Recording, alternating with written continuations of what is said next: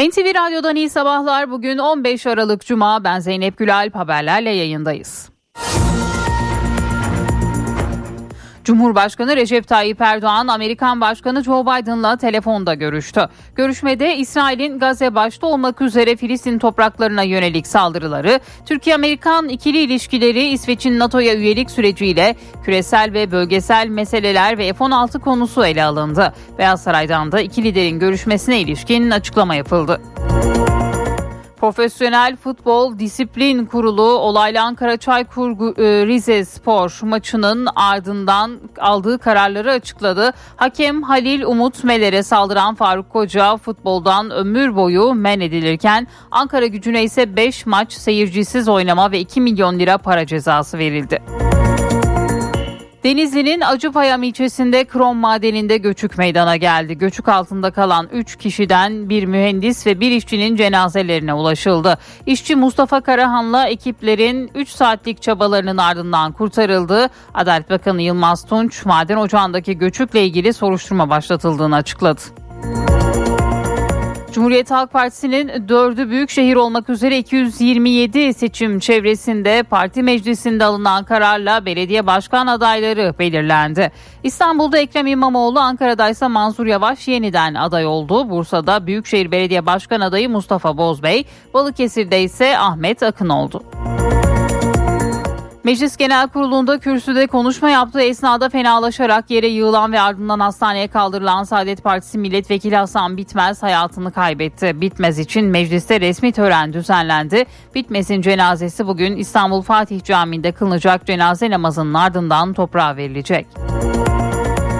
Avrupa Birliği üyesi ülkelerin liderleri Rusya'ya yönelik elmas ticareti yasağını da içeren 12. yaptırım paketinde anlaşma sağlandı, sağladı. 12. yaptırım paketi aralarında elmasın da bulunduğu yeni ihracat yasaklarını, Rusya'nın petrol gelirini azaltmak için petrol tavan fiyatını sıkılaştırmaya yönelik önlemleri ve yaptırımların çevresinden dolaşmayla mücadelenin güçlendirilmesini kapsıyor.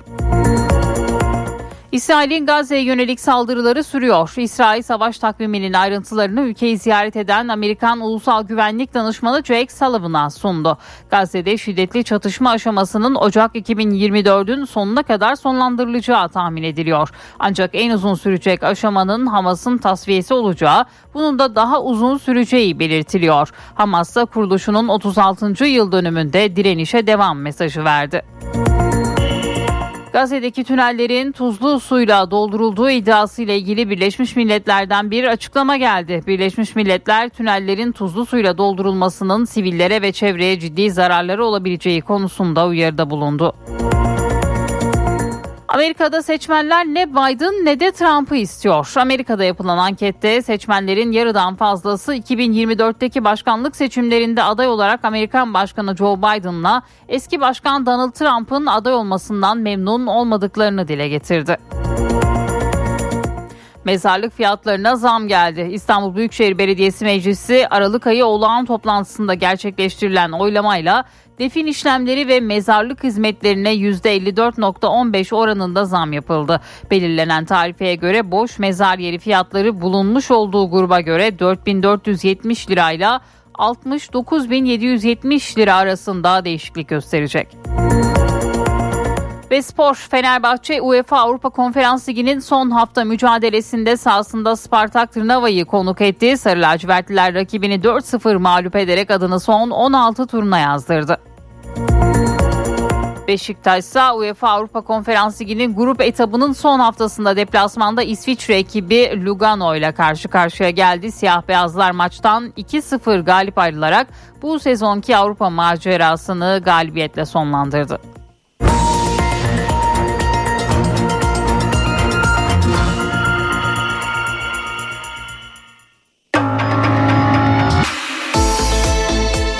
İşe giderken gazetelerin gündemi.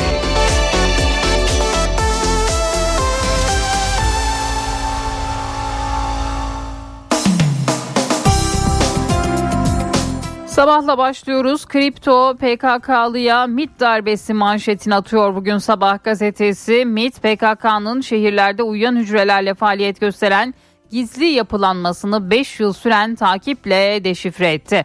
Kripto yapılanmanın sorumlusu Engin Babayiğit 18 Eylül'de Kuzey Irak'a kaçmaya çalışırken yakalandı deniliyor Sabah gazetesinde.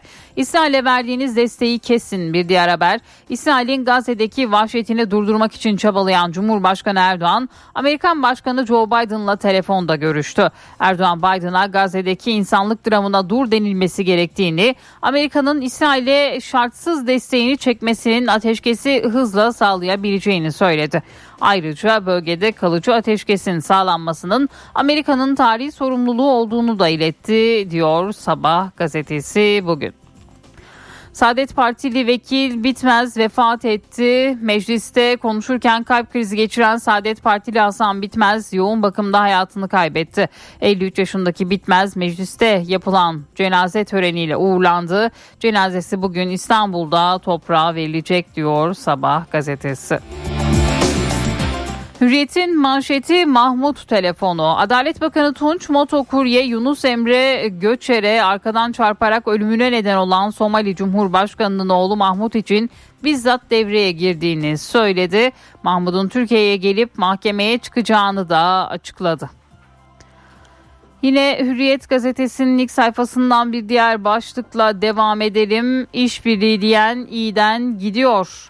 İyi Parti'de GİK'te alınan yerel seçimlere tek başına girme kararının ardından başlayan istifa ve görevden almalar dün de devam etti. Akşener İyi Parti Hukuk ve Adalet Politikaları Başkanı Ahmet Zeki Üçok'u görevinden aldı. Üçok bu göreve 5 ay önce getirildi. Üçok'un CHP ile işbirliği yapılmasına yönelik ısrarı rahatsızlık yarattı. İyi Parti Toplumsal Politikalar Başkanı Ece Güner de istifa etti. Güner seçime tek başına girme kararını eleştirdi. Yumrukçu başkana 13 yıl istendi. Hakem Halil Umut Meler'i sahada yumruklayan Ankara Gücü Başkanı Faruk Koca ile diğer saldırganlar hakkında hücret iddianame hazırlandı. Koca kamu görevini yapan birini kasten yaralamakla suçlanıyor diyor bugün Hürriyet gazetesi. Savcı ve avukata soruşturma bir diğer başlık. Avukat Buket Nurşah Tek Işık'ın bir savcının odasından çektirip sosyal medyadan paylaştığı fotoğraflar yargıya taşındı. Görev yeri değiştirilen savcı hakkında HSK'ya tutanak gönderildi. Avukat hakkında Barolar Birliği'ne bildirimde bulunuldu. İstanbul Barosu disiplin soruşturması başlattı diyor. Bugün Hürriyet gazetesi. Milliyetin manşeti akademide hile var. Kim akademisyenler makalelerini para karşılığında yazdırıyor. 5 dergide yayımlanma garantisiyle doçentlik paketi hizmeti veren şirketler bile var diyor bugün Milliyet. İsrail'e kayıtsız desteği çekin yine Cumhurbaşkanı Erdoğan'ın Amerikan Başkanı Biden'a telefonda söylediği sözler bu şekilde yer buluyor Milliyet gazetesinde. Bir diğer haberse bir Van'mış bir yokmuş başlığıyla. Van Gölü'nün Erciş sahilinde 15 yıl önce fotoğrafçı Ferzende Coşar tarafından görüntülenen iskele göl sularının çekilmesiyle karaya çıkarak sahilden yaklaşık 700 metre uzaklaştı. Yağış olmaması halinde çekilmenin hızlı bir şekilde devam edeceği belirtiliyor deniliyor ve yine bu haberde bugün Milliyet'in ilk sayfasında yer buluyor. Yeni Şafak gazetesinin manşetinde 7 Ekim olmasa Aksa yıkılacaktı başlığını görüyoruz. Hamas'ın liderlerinden Halit Meşal İstanbul'da bazı sivil toplum kuruluşları temsilcileriyle bir araya gelerek Aksa tufanının önemini İsrail'in sivil katliamları ve Kassam'ın gücü konusunda mesajlar verdi. İsrail'in son 1-2 yıldır Mescid-i Aksa'ya saldırılarını artırdığını hatırlatan Meşal 7 Ekim olmasa belki de Aksa'nın yıkılışını izleyecektik dedi. Biden yargılanabilir diyor Yeni Şafak gazetesi. Amerikan Başkanı Biden'ın İsrail ayrım gözetmeksizin bombalıyor şeklindeki sözleri sivil katliamları kabul anlamına geliyor. İnsan Hakları Mahkeme e, İnsan Hakları İzleme Örgütü Eski direktörü Kenneth Roth Amerikalı yetkilileri bu itirafla yargılanabileceğini söyledi. Bu açıklama Amerika'nın savaş suçu işleyen İsrail'e neden silah sağlamaya devam ettiği sorusunu akla getiriyor. Savaş suçlarına bilerek yardım ve yataklık yaptığı için Amerikan yetkililerinin yargılanması için kanıt olarak kullanılabilir diyor ve bu haberde yine bugün Yeni Şafak gazetesinde yer buluyor. Postanın manşeti benim başıma gelmez sanmıştım. Ankara'da kızı Nursela'nın eski eşi tarafından katledilmesinin e, şokunu yaşayan acılı anne televizyondan izleyip benim başıma gelmez derdim ama benim başıma da geldi yerde yatan benim evladım diye konuştu. Bir diğer başlık doğum gününde defnedilecek. Yine Meclis Genel Kurulu'nda kürsüde yaptığı konuşma sırasında yere yığılan ve kalp krizi geçirdiği belirlenen Saadet Partisi milletvekili Hasan Bitmez dün yoğun bakımda yaşamını yitirdi. Bitmez için mecliste dün akşam tören düzenlendi. Bitmez bugün İstanbul Fatih Camii'nde kılınacak cenaze namazının ardından Merkez Efendi mezarlığında defnedilecek. 15 Aralık 1969'da doğan Hasan Bitmez vefat etmeseydi bugün 54 yaşına girecekti. Türkiye'nin ilk e, uzay yolculuğu 9 Ocak'ta bir diğer başlık. Türkiye'nin insanlı ilk uzay misyonunun gerçekleşeceği tarih belli oldu. Sanayi ve Teknoloji Bakanı Fatih Mehmet Kacır, Uluslararası Uzay İstasyonu'nda görev yapacak ilk Türk uzay yolcusu Alper Gezer Avcı'nın 9 Ocak'ta Florida'dan uzaya gitmesinin planlandığını açıkladı diyor. Bugün bu haberde yine Posta'nın ilk sayfasında yer buluyor. Cumhuriyet gazetesinin manşeti güçlü adaylar vitrine çıktı. CHP Parti Meclisi yerel seçimlerde yarışacak. Dördü büyükşehir 227 başkan adayını belirledi. İstanbul'da İmamoğlu, Ankara'da Yavaş, Bursa'da Bozbey, Balıkesir'de Akın aday gösterilecek. Dört isim anketlerden kazanacak aday olarak çıktı. Partiye dönen Tanju Özcan ise Bolu'dan yeniden aday gösterildi diyor Cumhuriyet manşetinden bugün. Bir diğer haber çocuk nöroloğu bulunmuyor. Türk Nöroloji Derneği verilerine göre Türkiye'de 100 bin çocuk başına düşen nörolog sayısı %1.3'te kaldı. Birçok ilde çocuk nöroloğu yok. Hastalar tedaviye erişemiyor diyor Cumhuriyet gazetesi bugün. Verilerimiz tehlikede bir diğer haber. Silah ve uyuşturucu satışıyla gündeme gelen Telegram üzerinden yurttaşların Mernis bilgilerine de ulaşıldığı ortaya çıktı. Hukukçular asıl sorun devletin verilerimizi koruyamaması denetim yapılmalı dedi ve yine bu haberde Cumhuriyet'teydi. Şimdi bir araya gideceğiz sonrasında haberlerle devam edeceğiz.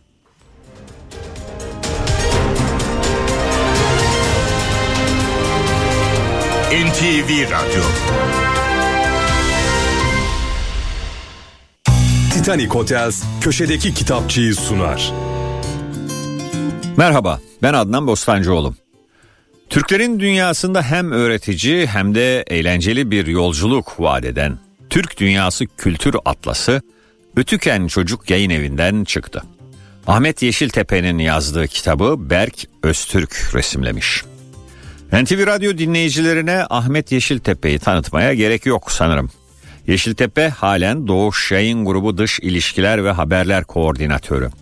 Haberciliğin ötesinde NTV için tarih ve kültür ağırlıklı belgesel programları hazırlayıp sundu Yeşiltepe. Zaman Yolcusu Uzaklar, Türklerin İzinde, Kurtuluş Yolu, Çanakkale'de 100. Yıl 7 İnsan 7 Öykü adlı belgeseller NTV için hazırladığı programlardan bazıları. Türk Dünyası Kültür Atlası'na gelirsek Ahmet Yeşiltepe 10 yılı aşkın süredir Türk dünyasını oluşturan ülkelere ve kültür havzalarına yaptığı seyahatleri bu atlasta anlatıyor. Türk halkları arasında geniş bir coğrafyada dolaşma imkanı sunan atlas, Sibirya'dan Balkanlara 21 farklı ülke, özerk bölge ve kültür havzasını içeriyor. Bunlardan Türkiye, Özbekistan ve Kazakistan'dan şehirlerin de yakın plana alındığı atlasın en ilgi çekici yanı, mimarlık eserleri, geleneksel kıyafetler, mutfak ürünleri, müzik aletleri gibi kültür ikonlarının yanı sıra tarihi figür ve ünlü şahsiyetlerinde resmedilmiş olması. Bulmaca ve yarışma niteliği taşıyan etkinlik sayfaları da bulunan Atlas, Türklerin İzinde isimli 33 bölümden oluşan belgesel serisinin hikayelerini Berk Öztürk'ün resimleriyle kitap sayfalarına taşımış. Hasılı sonsuzluk hissi uyandıran bozkırlardan doru bulutlarla kaplı dağlara, İpek yolu çöllerinden derin ve karanlık taygalara, soğuk tunralara, coşkun ırmaklara doğru uzun bir yolculuk vaat ediyor Türk Dünyası Kültür Atlası.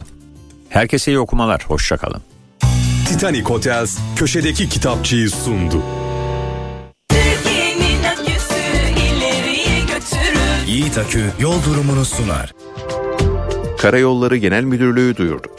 Nevşehir Ürgüp Kayseri yolunun 20-26. kilometrelerinde ve Diyarbakır Mardin yolunun 14-16. kilometrelerinde yol bakım çalışmaları yapıldığından ulaşım bölünmüş yolun bir bölümünden çift yönlü sağlanıyor.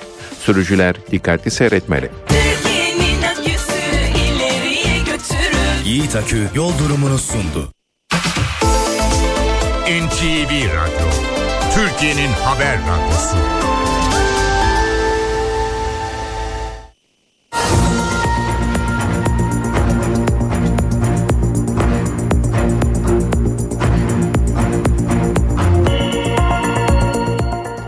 NTV Radyo'da haberleri aktarmayı sürdürüyoruz. Cumhurbaşkanı Recep Tayyip Erdoğan, Amerikan Başkanı Joe Biden'la telefonda görüştü. Cumhurbaşkanlığı İletişim Başkanı Fahrettin Altun, NTV yayınında görüşmenin ayrıntılarını açıkladı. Görüşme talebinin Biden'dan geldiğini belirten Altun, ana gündem Gazze oldu dedi. Sayın Biden aradı Cumhurbaşkanımızı. Saat 19.30'da 20.30 arasında gerçekleşti görüşme.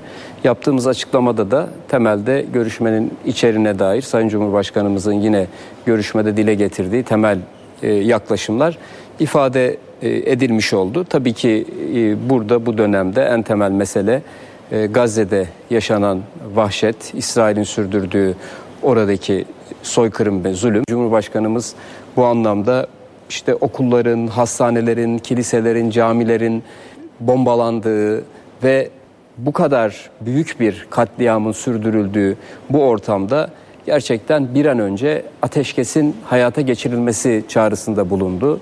İsrail hali hazırda savaş suçu işliyor ve soykırım yapıyor.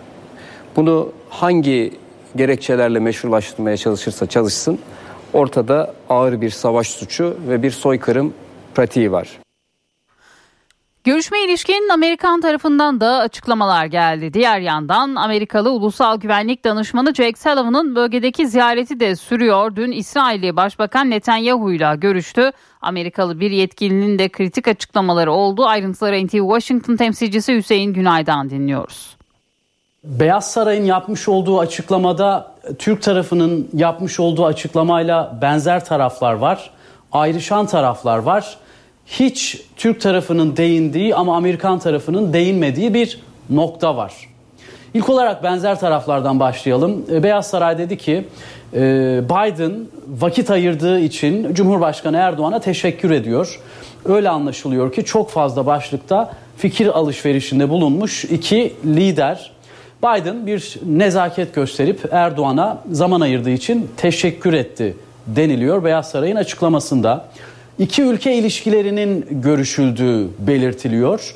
Bu hem Türk tarafının hem de Amerika Birleşik Devletleri tarafının açıklamalarında yer alan başlıklar. Daha sonra biraz ayrışan taraflar var. Özellikle e, İsveç'in e, NATO üyeliği konusunda ve aynı zamanda Hamas-İsrail çatışmaları konusunda. E, NATO üyeliği konusunda Amerika Birleşik Devletleri diyor ki biz bir an önce İsveç'in NATO'ya üye olduğunu görmek istiyoruz. E, bir an önce as soon as possible e, tabirini kullanmışlar. E, diplomatik çerçevede düşünüldüğünde her zaman kullanmadıkları bir e, tanım bu. Türk tarafı ise NATO'nun genişlemesi ve e, NATO kapsamında iki ülke ilişkilerinin değerlendirildiğine vurgu yapıyor. Ee, İsrail ve Hamas meselesinde Amerika Birleşik Devletleri ve Türkiye herkesin de bildiği üzere farklı pozisyonlara sahip. Ee, Türk tarafının yapmış olduğu açıklamada e, İsrail'in saldırganlığının bir an önce durması, Gazze'de sivillerin e, güvenliğinin bir an önce sağlanması ve Amerika Birleşik Devletleri'nin İsrail'e desteğini kesmesi Cumhurbaşkanı tarafından Biden'a iletilirken bu metinde yer alırken Amerika Birleşik Devletleri'nin yapmış olduğu açıklamada İsrail'in kendisini savunma hakkının olduğunu Biden'ın Erdoğan'a ilettiği belirtiliyor.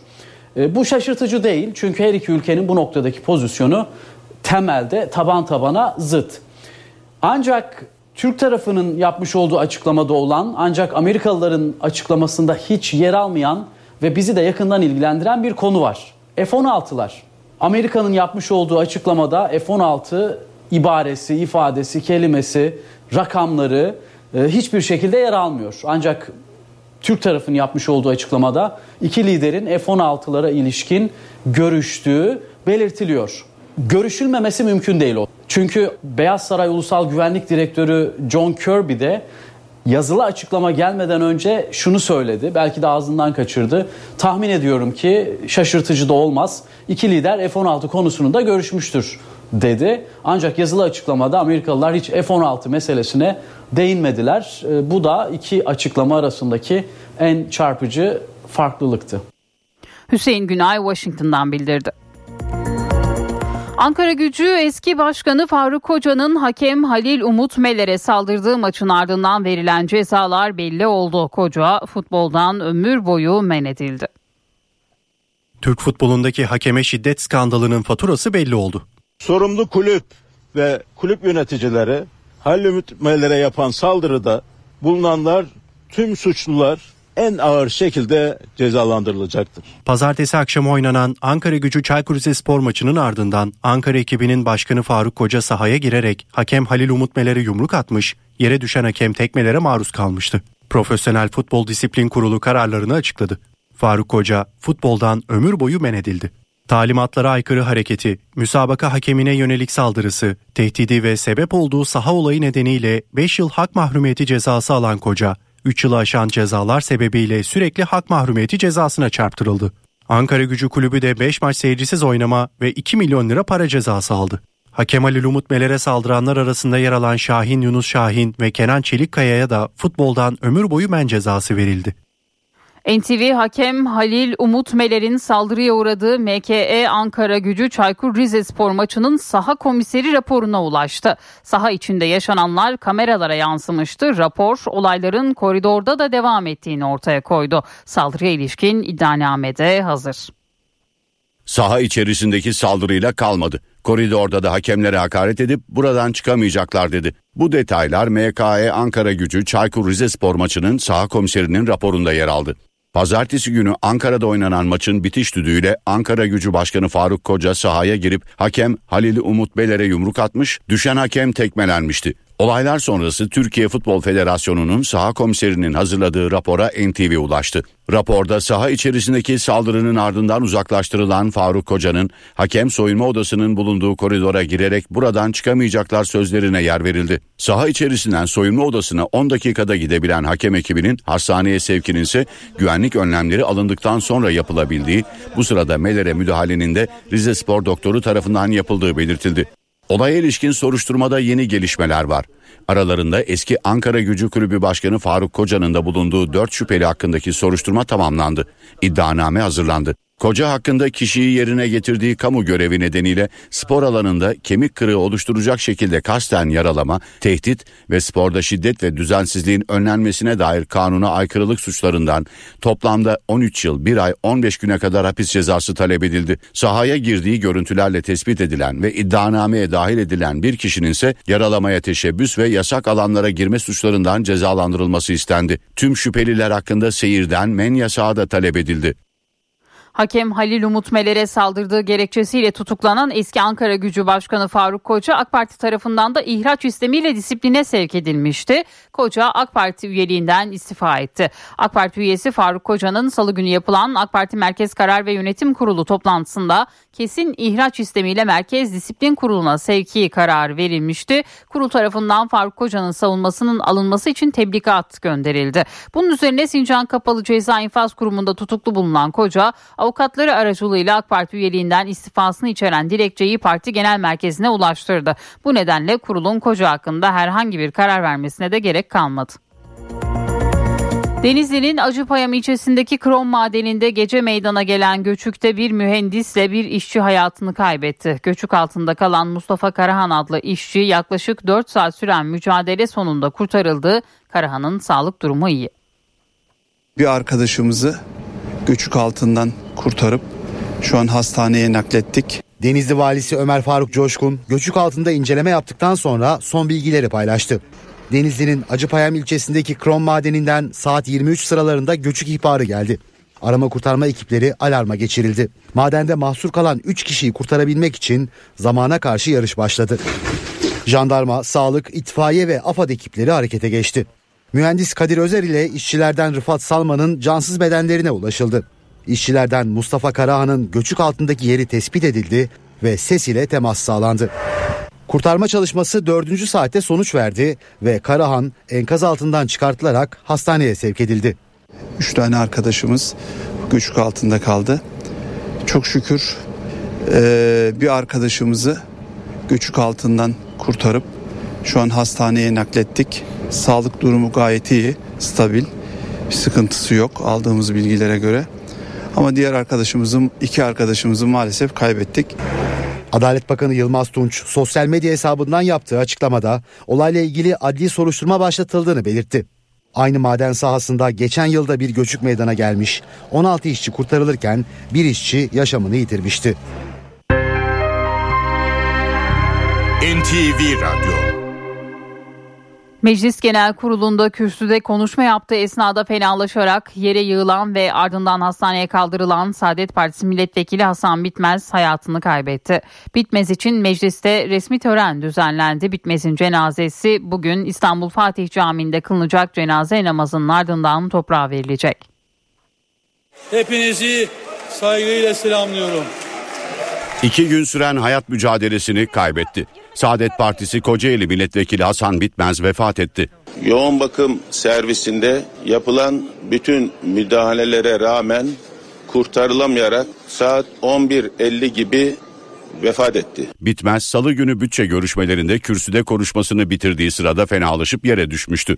Genel kurulda yapılan ilk müdahalenin ardından Bilkent Şehir Hastanesi'ne kaldırılan Bitmez, iki gün boyunca yapay kalp ve akciğer cihazına bağlı olarak yoğun bakımda tedavi gördü. Ancak tüm müdahalelere rağmen kurtarılamadı. Kendi düşüncelerini, fikirlerini güzel bir tarzda meclise arz ettikten hemen sonra e, maalesef gördüğünüz gibi bir kalp kriziyle karşı karşıya kaldı. Ondan sonra da tekrar şuurunu toparlayamadı. Vefat haberinin ardından Cumhurbaşkanı Recep Tayyip Erdoğan Bitmez'in ailesini ve Saadet Partisi Genel Başkanı Temel Karamollaoğlu'nu aradı. Taziye dileklerini iletti. Meclis Başkanı Numan Kurtulmuş, CHP Genel Başkanı Özgür Özel ve İyi Parti Genel Başkanı Meral Akşener de sosyal medya hesaplarından taziye mesajları yayınladı. Bitmez'in vefatı dolayısıyla mecliste tören düzenlendi. Törende Cumhurbaşkanı Yardımcısı Cevdet Yılmaz, CHP Genel Başkanı Özel, MHP Genel Başkanı Devlet Bahçeli ve çok sayıda milletvekili yer aldı. Hasan Bitmez'in ailesi törene Filistin bayrağının renklerini taşıyan atkılarla katıldı. Bitmez'e bu görüntülerle veda edildi. Hasan Bitmez'in vefatı Türkiye Büyük Millet Meclisi çatısı altında milletvekili ölümüyle sonuçlanan dördüncü vaka. 1925'te Ardahan Milletvekili Halit Paşa, 1989'da Siirt Milletvekili Mehmet Abdurrezzak Ceylan, 2001'de Şanlıurfa Milletvekili Fevzi Şahanlıoğlu mecliste yaşananlar sonucu hayatını kaybetmişti. Bitmez'in cenazesi İstanbul Fatih Camii'nde kılınacak cenaze namazının ardından toprağa verilecek. Mecliste siyasi partilerin grup kurabilmesi için en az 20 milletvekiline sahip olması gerekiyor. Hasan Bitmez'in vefatıyla Saadet ve Gelecek Partilerinin oluşturduğu grubun vekil sayısı 19'a düştü. Cumhur İttifakı cephesinde yerel seçim hazırlıklarını artık son rötuşlar yapılıyor. AK Parti ve MHP arasındaki görüşmelerde de sona gelindi. Dün AK Parti Genel Merkezi'nde Hüdapar ve Büyük Birlik Partisi heyetleriyle toplantılar yapıldı. Yerel seçime 3,5 ay kala AK Parti'de seçim çalışmalarına hız verildi. AK Parti Genel Başkan Vekili Efkan Ala Başkanlığındaki heyet Hüdapar temsilcileriyle AK Parti Genel Merkezi'nde bir araya geldi. Görüşmede hangi şehirlerde ittifak yapılabileceği ele alındı. NTV'nin edindiği bilgilere göre Cumhurbaşkanı Recep Tayyip Erdoğan'ın çarşamba akşamı Hüdapar Genel Başkanı Zekeriya Yapıcıoğlu ile gerçekleştirdiği görüşmenin de gündemi ittifaktı. Erdoğan belediye başkan adayları için Yapıcıoğlu'ndan destek istedi. Destek talebine Yapıcıoğlu olumlu yanıt verdi. AK Parti Genel Merkezi'nin ikinci konuğu Büyük Birlik Partisi'ydi. Sivas başta olmak üzere AK Parti ve Büyük Birlik Partisi'nin ittifak yapabileceği şehirler değerlendirildi. AK Parti'nin yerel seçim takvimi de netleşmeye başladı. Ocak ayı sonunda Erdoğan'ın seçim beyannamesini açıklaması ve tüm adayları tanıtması bekleniyor. Başta İstanbul ve Ankara olmak üzere 2019'da kaybedilen büyük şehirlere özel projelerinde aynı gün kamuoyuna duyurulması planlanıyor. Ve seçim kampanyası. AK Parti'nin seçim kampanyası eser, hizmet ve yerel yönetimler eksenli olacak. İllerin özelliklerine ve adayların niteliklerine göre çalışmalar yapılacak. Ana tema Türkiye Yüzyılı Belediyeciliği olacak. Öte yandan İstanbul ve Ankara başta olmak üzere sokak hayvanları ile ilgili sorunlara yeni çözüm önerileri üzerinde çalışılıyor. Ayrıca İstanbul için taksicilerle alakalı şikayetler tartışılıyor. AK Parti seçim kampanyasını Profesör Doktor Ertan Aydın'la eşgüdüm içerisinde yürütecek. Genel Başkan Vekili Efkan Ala ve Genel Başkan Yardımcıları Hamza Dağ, Erkan Kandemir, Yusuf Ziya Yılmaz, Ali İhsan Yavuz, Mustafa Şen ve Çiğdem Karaaslan da çalışmaların tam merkezinde. AK Parti'nin aday belirleme sürecini yılbaşına kadar tamamlaması ve kamuoyuna duyurması bekleniyor. 31 Mart yerel seçimlerine yaklaşırken CHP'de de aday belirleme çalışmaları sürüyor. Bu kapsamda yapılan parti meclisi toplantısında 4'ü büyükşehir 10 ilin belediye başkan adayları belirlendi. Ayrıntıları Uğraş Bingöl'den dinleyelim. Beklenen isimler açıklandı aslında 31 Mart e, yerel seçimlerine kısa bir süre kala. 4 Büyükşehir Belediyesi'nin de aralarında bulunduğu 226 il ve ilçede belediye başkanları belirlendi. Eski Genel Başkan Kemal Kılıçdaroğlu da zaten e, duyurmuştu. Yeni Genel Başkan Özgür Özel de bu isimleri söylemişti. Onlardan şüphesiz en önemlisi İstanbul adayı Ekrem İmamoğlu, Ankara Büyükşehir Belediye Başkan adayı Mansur Yavaş, Balıkesir Büyükşehir Belediye e, Başkan adayı Ahmet Akın, Bursa adayı da Mustafa Bozbey oldu. Mustafa Bozbey hatırlanacağı üzere 2019 seçimlerinde e, yine adaydı ve e, çok ufak bir çok az bir oyla kaybetmişti rakibine. E, Nülfer Belediye eski Nülfer Belediye Başkan adayı Mustafa Bozbey yeniden aday gösterildi. Dikkat çeken bir isim de var. Eski Genel Başkan Kemal Kılıçdaroğlu döneminde partiden ihraç edilen ve değişim sonrası partiye yeniden dönen Bolu adayı Tanju Özcan da e, yine Bolu'dan aday gösterildi. Oy birliğiyle e, parti meclisinden bu karar çıktı. Evet il belediye başkanları da belirlendi. Onlardan da anlatmak gerekirse Bayburt'ta Kubilay Erel, Gümüşhane'de Bezci Ağaç, Elazığ'da Coşkun Çağlar Duran, Karaman'da Recep Sertçelik, Nevşehir'de ise Mehmet Bilgin belediye başkanı olarak belirlendi. Adayları tam bir mutabakatla e, belirlendiğini söyledi parti sözcüsü Deniz Yücel. Bazı bölgelerde yönelik de ön seçim kararı alındığını duyuldu. Bunlar aday enflasyonunun e, yaşandığı ilçe ve iller ama bu illeri net olarak açıklamadı. 23 seçim çevresinde örgüt denetiminde ön seçim yapılması kararı alındı. 58 seçim çevresinde ise örgüt denetiminde ön seçim e, yapılması kararı verildi. Evet gün boyu Cumhuriyet Halk Partisi'nde ummalı bir çalışma vardı. Bu çalışmanı da MYK toplantısı toplandı önce ardından da parti meclisi toplandı. O parti meclisinde çıkan kararlar bunlar. Tekrar etmekte fayda var. İstanbul'da İmamoğlu, Ankara'da Mansur Yavaş, Balıkesir'de Ahmet Akın, Bursa'da ise Mustafa Bozbey ve bunlar dışında da 226 il ve ilçede belediye başkan adayları belirlendi. Şunu hemen söyleyelim Adana, Mersin, Hatay ve Aydın gibi illerde de illerinde önümüzdeki hafta peyderpey açıklanması bekleniyor. Uğraş Bingöl'ün notlarını dinledik. Milli Savunma Bakanı Yaşar Güler, Pençe Kilit operasyonunda şehit olan Piyade Teğmen Eril Alperen Emir'in ailesini ziyaret etti. Acılı aileye taziyelerini ileten Bakan Güler, Alperen'in intikamının alındığını söyledi. Bölgedeki operasyonlarda 5 teröristin etkisiz hale getirildiğini açıkladı. Terör örgütü PKK-KCK'nın gençlik yapılanmasında sözde üst düzey sorumlulardan olan Sebahat Ormanlı MIT tarafından etkisiz hale getirildi. MIT, PKK-KCK terör örgütü mensuplarının faaliyetlerinin takibi kapsamında çalışmalarını sürdürmeye devam ediyor. Kadın gençlik topluluğunun 18 üyesinden biri olan Sebahat Ormanlı'nın Kuzey Irak'ta faaliyet gösterdiği tespit edildi. Türkiye'deki metropollere yönelik kundaklama eylemlerini organize eden Ormanlı'nın hareket tarzı MIT tarafından tarafından tespit edildi. Örgüt içine sızan ajanlardan gelen bilgiler ışığında düğmeye basıldı. Terörist Mart ayında SİHA operasyonuyla etkisiz hale getirildi. Ormanlı terör arananlar listesinde yeşil kategoride yer alıyordu. Gazeteci Hrant Dink cinayeti hükümlüsü o gün Samast isim değişikliği talebinden vazgeçti. Samast'ın avukatı Raşit Hodo bu saatten sonra isim değişikliğinin bir anlamı kalmadı dedi. Avukat Raşit Hodo o gün Samast'ın Ali Eren Karadeniz ismini almak istediğini ancak talebin basına sızması sonrasında isim değişikliğinden vazgeçeceklerini söyledi. Avukat deşifre olduktan sonra değiştirmenin bir anlamı kalmadı dedi. İstanbul'da mezarlık fiyatlarına zam geldi. Büyükşehir Belediyesi Aralık ayı toplantısının dördüncü oturumunda mezarlık ücret ve hizmet bedelleri ele alındı. Yeni tarifeye göre Karacaahmet, Nakkaştepe, Zincirlikuyu ve Aşiyan gibi birinci grupta yer alan mezarlıklardaki boş yerlerin ücreti %54.15 zamlanarak 45.260 liradan 69.770 liraya yükseltildi. Yılbaşı sofrası için kuru yemiş, meyve ve tatlı ana yemekte ise tavuk ya da hindi. Liste kabarık uzadıkça da uzayabilir. Peki yılbaşı sofrasını hazırlamak kaça mal oluyor? Kalem kalem hesapladık.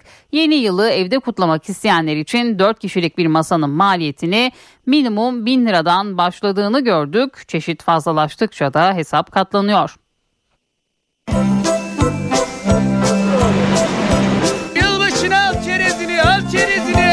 Vallahi yılbaşında normal yemeğimizi yapacağız, oturacağız. Yeni yıl heyecanıyla beraber kalem kalem hesaplar yapılmaya başlandı. Hindisi, kuru yemişi, meyvesi derken yılbaşı sofrasının maliyeti geçen yıla göre %100 zamlandı. Geçen seneye kıyasla en az iki katı bir üzerine koydu.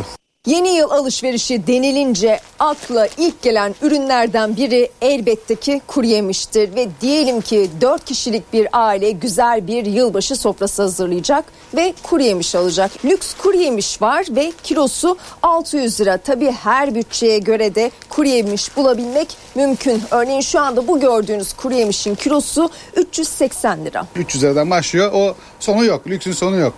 1500-2000 liraya kadar gidiyor. Antep fıstığı, badem, köcüğü ve e, fındık olursa bu otomatikman e, 500-600 liraya kadar çıkıyor. Yılbaşı alışverişine başladınız mı? Evet başladık çoğunu hallettik. Özellikle yemekten sonra kuru yemiş meyve. Kuru yemiş tezgahından şimdi meyve tezgahına geldik ve baktığımızda da mandalina, nar, kivi ve elmayı görüyoruz. Tam kış meyveleri yılbaşında 4 kişilik bir aile bu meyvelerden birer kilo aldığında meyveye ayıracağı bütçe minimum 200 lira oluyor. Peki işin içine cennet hurması, üzüm, çilek girerse nasıl olur? Yani 500 lirayı bulur diye düşünüyorum. Yeni yıla ağzını tatlandırarak girmek isteyenler yarım kilo baklava aldığında tatlıya 320 lira bütçe ayırması gerekiyor. Çünkü baklavanın kilosu 640 lirayla 800 lira arasında değişiyor. Her günkü şeyler değişik bir şey alamayacağız.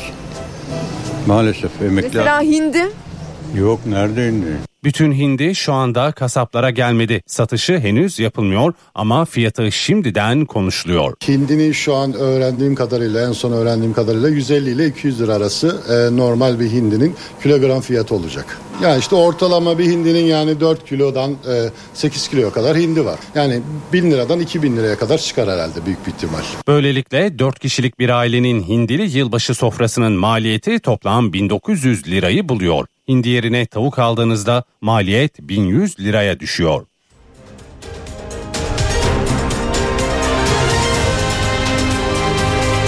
NTV Radyo HDI Sigorta İstanbul'un yol durumunu sunar.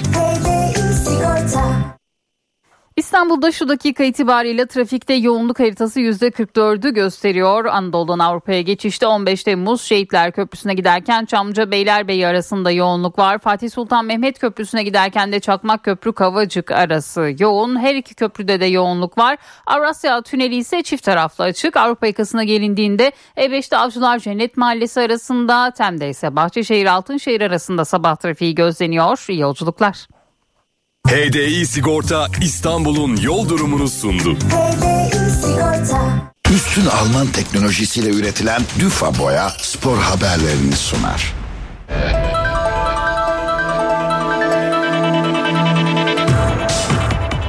Türk takımları Avrupa Konferans Ligi son hafta maçlarını galibiyetle kapattı. Fenerbahçe son 16 takım arasına adını yazdırdı. Sarı lacivertliler H grubu son maçında Spartak Tirnava'yı 4-0 yendi ve grup aşamasını lider olarak tamamladı. Maçta gol perdesini 36. dakikada Ferdi Kadıoğlu açtı. 48. dakikada Tadiç'in direkten dönen penaltısında Spartak Tirnava kalecisi Tadaç topu kendi ağlarına yolladı ve fark 2'ye çıktı. 59 ve 61. dakikalarda peş peşe ağları sarsan Edin Dzeko maçın skorunu tayin etti. Sarı lacivertlilerin rakipleri 18 Aralık'ta İsviçre'nin Nyon kentinde yapılacak Kur'an çekiminde belli olacak. Konferans ligindeki iddiasını daha önce kaybeden temsilcimiz Beşiktaş ise grup aşamasını tek galibiyetle bitirdi. Siyah beyazlılar son maçında konuk olduğu Lugano'yu 2-0 yendi. Maçta golleri 36. dakikada Cenk Tosun ve 88. dakikada Emrecan Terzi attı. Ankara gücü eski başkanı Faruk Koca'nın hakem Halil Umut Meler'e saldırdığı maçın ardından verilen cezalar belli oldu. Koca futboldan ömür boyu men edildi. Türk futbolundaki hakeme şiddet skandalının faturası belli oldu.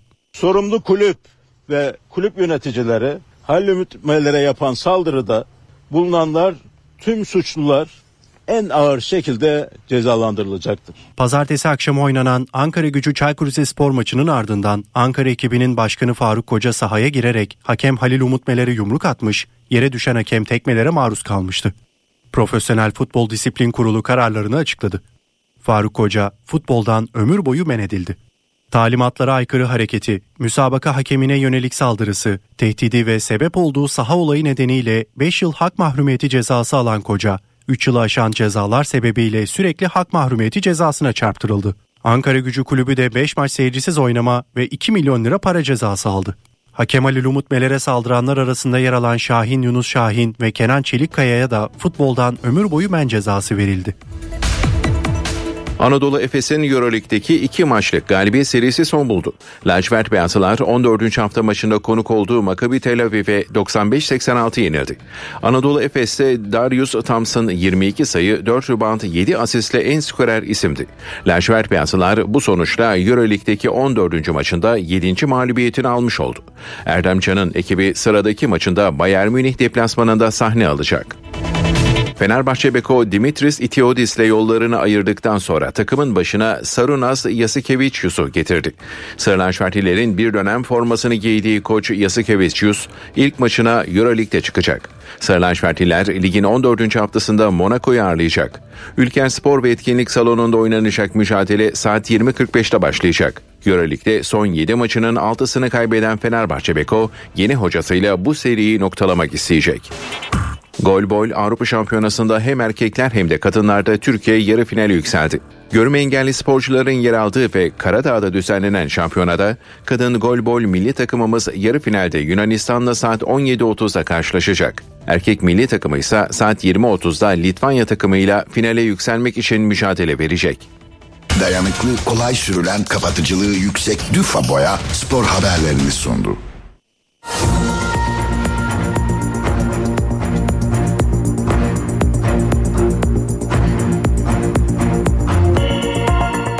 Saat 8 Türkiye ve Dünya gündeminde bu saate kadar neler olduğuna bir haber turuyla bakalım.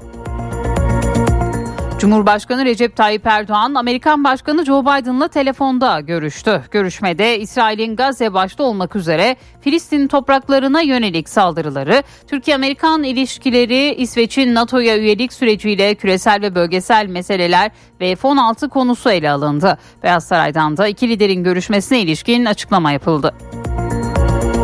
Profesyonel Futbol Disiplin Kurulu olaylı Ankara Gücü Çaykur Rizespor maçının ardından aldığı kararları açıkladı. Hakem Halil Umut Meler'e saldıran Faruk Koca futboldan ömür boyu men edildi. Ankara Gücü'ne ise 5 maç seyircisiz oynama ve 2 milyon lira para cezası verildi. Denizli'nin Acıpayam ilçesinde krom madeninde göçük meydana geldi. Göçük altında kalan 3 kişiden bir mühendis ve bir işçinin cenazelerine ulaşıldı. İşçi Mustafa Karahansa ekiplerin 3 saatlik çabalarının ardından kurtarıldı. Adalet Bakanı Yılmaz Tunç maden ocağındaki göçükle ilgili soruşturma başlatıldığını açıkladı. Cumhuriyet Halk Partisi'nin dördü büyükşehir olmak üzere 227 seçim çevresinde parti meclisinde alınan kararla belediye başkan adayları belirlendi. İstanbul'da Ekrem İmamoğlu, Ankara'da ise Mansur Yavaş yeniden aday oldu. Bursa'da Büyükşehir Belediye Başkan adayı Mustafa Bozbey, Balıkesir'de ise Ahmet Akın oldu. Meclis Genel Kurulu'nda kürsüde konuşma yaptığı sırada fenalaşarak yere yığılan ve ardından hastaneye kaldırılan Saadet Partisi Milletvekili Hasan Bitmez hayatını kaybetti. Bitmez için mecliste resmi tören düzenlendi. Bitmez'in cenazesi bugün İstanbul Fatih Camii'nde kılınacak cenaze namazının ardından toprağa verilecek. Avrupa Birliği üyesi ülkelerin liderleri Rusya'ya yönelik elmas ticareti yasağını da içerecek 12. yaptırım paketinde anlaşma sağladı. 12. yaptırım paketi aralarında elmasın da bulunduğu yeni ihracat yasaklarını, Rusya'nın petrol gelirini azaltmak için petrol tavan fiyatını sıkılaştırmaya yönelik önlemleri ve yaptırımların çevresinden dolaşmayla mücadelenin güçlendirilmesini kapsıyor. İsrail'in Gazze'ye yönelik saldırıları sürüyor. İsrail savaş takviminin ayrıntılarını ülkeyi ziyaret eden Amerikan Ulusal Güvenlik Danışmanı Jake Sullivan'a sundu. Gazze'de şiddetli çatışma aşamasının Ocak 2024'ün sonuna kadar sonlandırılacağı tahmin ediliyor. Ancak en uzun sürecek aşamanın Hamas'ın tasfiyesi olacağı bunun da daha uzun süreceği belirtiliyor. Hamas'a kuruluşunun 36. yıl dönümünde direnişe devam mesajı verdi. Gazze'deki tünellerin tuzlu suyla doldurulduğu iddiası ile ilgili Birleşmiş Milletler'den bir açıklama geldi. Birleşmiş Milletler tünellerin tuzlu suyla doldurulmasının sivillere ve çevreye ciddi zararları olabileceği konusunda uyarıda bulundu. Amerika'da seçmenler ne Biden ne de Trump'ı istiyor. Amerika Birleşik Devletleri'nde yapılan ankette seçmenlerin yarıdan fazlası 2024'teki başkanlık seçimlerinde aday olarak Amerikan Başkanı Joe Biden'la eski Başkan Donald Trump'ın olmasından memnun olmadıklarını dile getirdi. Mezarlık fiyatlarına zam geldi. İstanbul Büyükşehir Belediyesi Meclisi Aralık ayı olağan toplantısında gerçekleştirilen oylamayla defin işlemleri ve mezarlık hizmetlerine %54.15 oranında zam yapıldı. Belirlenen tarifeye göre boş mezar yeri fiyatları bulunmuş olduğu gruba göre 4470 lirayla 69770 lira arasında değişiklik gösterecek. Ve spor Fenerbahçe UEFA Avrupa Konferans Ligi'nin son hafta mücadelesinde sahasında Spartak Trnava'yı konuk etti. Sarı lacivertliler rakibini 4-0 mağlup ederek adını son 16 turuna yazdırdı.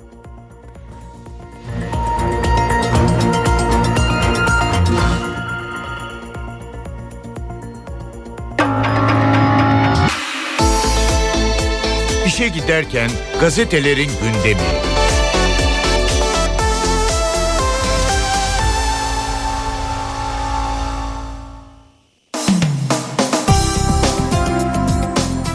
Sabahla başlayalım. Kripto PKK'lıya MIT darbesi manşetini atıyor bugün sabah gazetesi. MIT PKK'nın şehirlerde uyuyan hücrelerle faaliyet gösteren gizli yapılanmasını 5 yıl süren takiple deşifre etti. Kripto yapılanmanın sorumlusu Engin Baba Yiğit 18 Eylül'de Kuzey Irak'a kaçmaya çalışırken yakalandı. İsrail'e verdiğiniz desteği kesin bir diğer haber. İsrail'in Gazze'deki vahşetini durdurmak için çabalayan Cumhurbaşkanı Erdoğan, Amerikan Başkanı Joe Biden'la telefonda görüştü. Erdoğan, Biden'a Gazze'deki insanlık dramına dur denilmesi gerektiğini, Amerika'nın İsrail'e şartsız desteğini çekmesinin ateşkesi hızla sağlayabileceğini söyledi. Ayrıca bölgede kalıcı ateşkesin sağlanmasının Amerika'nın tarihi sorumluluğu olduğunu da iletti. Saadet Partili vekil Bitmez vefat etti bir diğer haber. Mecliste konuşurken kalp krizi geçiren Saadet Partili Hasan Bitmez yoğun bakımda hayatını kaybetti. 53 yaşındaki Bitmez mecliste yapılan cenaze töreniyle uğurlandı. Cenazesi bugün İstanbul'da toprağa verilecek deniliyor Sabah gazetesinde. Fenerbahçe şovla turladı bir diğer başlık UEFA Konferans Ligi son maçında Spartak Tırnava karşısında 4 golle resital sunan Sarı Lacivertliler grubu lider bitirip bir üst tura çıktı. Ceko duble yaparken diğer goller Ferdi ve Takaç'tan geldi. Rakip pazartesi günü belli olacak deniliyor ve Beşiktaş'ın maç skoru da yer alıyor 2-0 şeklinde. Beşiktaş galibiyetle veda etti notuyla paylaşılıyor bugün bu iki takımın da maç sonuçları. Hürriyet'in manşeti Mahmut telefonu. Adalet Bakanı Tunç, motokurye Yunus Emre Göçer'i arkadan çarparak ölümüne neden olan Somali Cumhurbaşkanı'nın oğlu Mahmut için bizzat devreye girdiğini söyledi. Mahmut'un Türkiye'ye gelip mahkemeye çıkacağını da açıkladı. Bakan Tunç, önceliğimiz vatandaşlarımızdır. Somali adli, adli makamlarıyla görüşmeler gerçekleştirdik. Somali Adalet Bakanı ile bizzat görüştüm. Somali tarafı da iyi niyetli baktı. Önümüzdeki günlerde sanığın Türkiye'ye gelmesi ve yargılanmaya katılması söz konusu olacak. Yakın bir süre içinde yargılama süreci başlamış olacak dedi. Bir diğer başlık yumrukçu başkana 13 yıl istendi. Hakem Halil Umut Meler'i sahada yumruklayan Ankara Gücü Başkanı Faruk Koca ile diğer saldırganlar hakkında jet iddianame hazırlandı. Koca kamu görevi yapan birini kasten yaralamakla suçlanıyor. Savcılık Koca için yaralamadan 13 yıl hapis cezası talep etti. Melleri tekme, e, tekmeleyenlere 11'er yıl hapis talebi var. İddianamede Faruk Koca'nın kulüp yöneticiliği yapmasına, spor müsabakalarına girmesine, antrenman izlemesine, seçme seçilme hakkına yasak istendi diyor bugün Hürriyet gazetesi. İşbirliği diyen iyiden gidiyor. İyi Parti'de GİK'te alınan yerel seçimlere tek başına girme kararının ardından başlayan istifa ve görevden almalar dün de devam etti. Akşener İyi Parti Hukuk ve Adalet Politikaları Başkanı Ahmet Zeki Üçok'u görevinden aldı. Üçok bu göreve 5 ay önce getirildi. Üçok'un CHP ile işbirliği yapılmasına yönelik ısrarı rahatsızlık yarattı. İyi Parti Toplumsal Politikalar Başkanı Ece Güner de istifa etti. Güner seçime tek başına gitme kararını eleştirdi diyor bugün Hürriyet gazetesi. Savcı ve avukata soruşturma bir diğer başlık. Avukat Buket Nurşah Tek Işık'ın bir savcının odasından çektirip sosyal medyadan paylaştığı fotoğraflar yargıya taşındı. Görev yeri değiştirilen savcı hakkında HSK'ya tutanak gönderildi. Avukat hakkında Barolar Birliği'ne bildirimde bulunuldu. İstanbul Barosu disiplin soruşturması başlattı diyor bugün Hürriyet gazetesi. Kara lahana müdafası bir diğer başlık. İnternet platformu Taste Atlas'ın en kötü 100 yemek listesinde kara lahana çorbasını 7. sıradan alması tepkilere neden oldu. Biz de hem Karadeniz'de hem de dünya mutfağını iyi bilen üstadları aradık diyor Fulya Soybaş bugünkü yazısında. Rafet İnce diyor ki ya ne onlar e, ne anlar onlar güzel çorbadan kara lahana çorbası efsanedir. Lif kaynağı sağlıklı bu listelere inanmayın. Hızır Keskin diyor ki mümkün değil olamaz en kötü yemek öyle mi hadi oradan her gün çıkarıyoruz ve inanın 1-2 saatte bitiyor diyor Gürkan Bilen. İşkembe kelle paçadan sonra bizde en çok rağbet gören çorbalardan biri yabancılar da çok tercih ediyor diyor ve bugün bu haberde yine Hürriyet gazetesinin ilk sayfasından yer buluyor. Milliyetin manşeti hocam otur sıfır akademide hile var. Kimi akademisyenler makalelerini para karşılığında yazdırıyor. 5 dergide yayınlanma garantisiyle doçentlik paketi hizmeti veren şirketler bile var. Doçent olabilmek için makale yazmak ve hakemli dergilerde yayınlatmak gerekiyor. Kolay yoldan puan toplamak isteyenler makalelerini parayla başkalarına yazdırıyor. Sosyal bilimlerde doçent adayı olduğumuzu belirterek bu hizmeti veren şirketlerle iletişime geçtik. Biriyle aramızda şu diyalog geçti. Doçentlik puanı için makale yazdırmak istiyorum. Ücretler nedir diye soruluyor. Cevapsa hizmetimiz yayın garantili ulusal makale 50 bin, uluslararası makale 100 bin lira kaç makale yazdıracaksınız diye cevap veriliyor. Bir tane makale yazdırmayı düşünüyorum diyorlar Hürriyet'tekiler. Önerim 3 baba dergi 2 tane de küçük dergide makale hepsini 5 bin, 500 bin liraya paket yapabiliyoruz diyor karşı taraf. Bugün bu konuyu da Hürriyet, e, affedersiniz Milliyet gazetesi manşetine taşıyor. İsrail'e kayıtsız desteği çekin bir diğer haber. Cumhurbaşkanı Erdoğan ve Amerikan Başkanı Biden telefonda görüştü. Bir saat süren görüşmede Erdoğan Gazze'deki insanlık dramına dur denilmesi gerektiğini belirterek Amerika'nın İsrail'e yönelik kayıtsız şartsız desteğini çekmesinin ateşkesi hızlı bir şekilde sağlayabileceğini vurguladı. Yine Milliyet gazetesi ilk sayfasına bir vanmış bir yokmuş başlıklı haberi taşıyor. İki fotoğrafla Van Gölü'nün Ercih sahilinde 15 yıl önce fotoğrafçı Ferzende Coşar tarafından görüntülenen iskele göl sularının çekilmesiyle karaya çıkarak sahilden yaklaşık 700 metre uzaklaştı. Yağış olmaması halinde çekilmenin hızlı bir şekilde devam edeceği belirtiliyor deniliyor bugün Milliyet gazetesinin ilk sayfasında. Yeni Şafak gazetesi 7 Ekim olmasa Aksa yıkılacaktı e, başlığını taşıyor bugün Yeni Şafak manşetine. Hamas'ın liderlerinden Halit Meşal İstanbul'da bazı sivil toplum kuruluşları temsilcileriyle bir araya geldi. Aksa tuhafanının önemi İsrail'in sivil katliamları ve Kassam'ın gücü konusunda mesajlar verdi. İsrail'in son 1-2 yıldır Mescid-i, e, Mescid-i Aksa'ya saldırılarını artırdığını hatırlatan Meşal 7 Ekim olmasa belki de Aksa'nın yıkılışını izleyecektik dedi. Biden yargılanabilir bir diğer başlık Yeni Şafak'ta. Amerikan Başkanı Biden'ın İsrail ayrım gözetmeksizin bombalıyor şeklindeki sözleri sivil katliamların kabulü anlamına geliyor. İnsan Hakları İzleme Örgütü eski direktörü Kenneth Root Amerikalı yetkililerin bu itirafla yargılanabileceğini söyledi.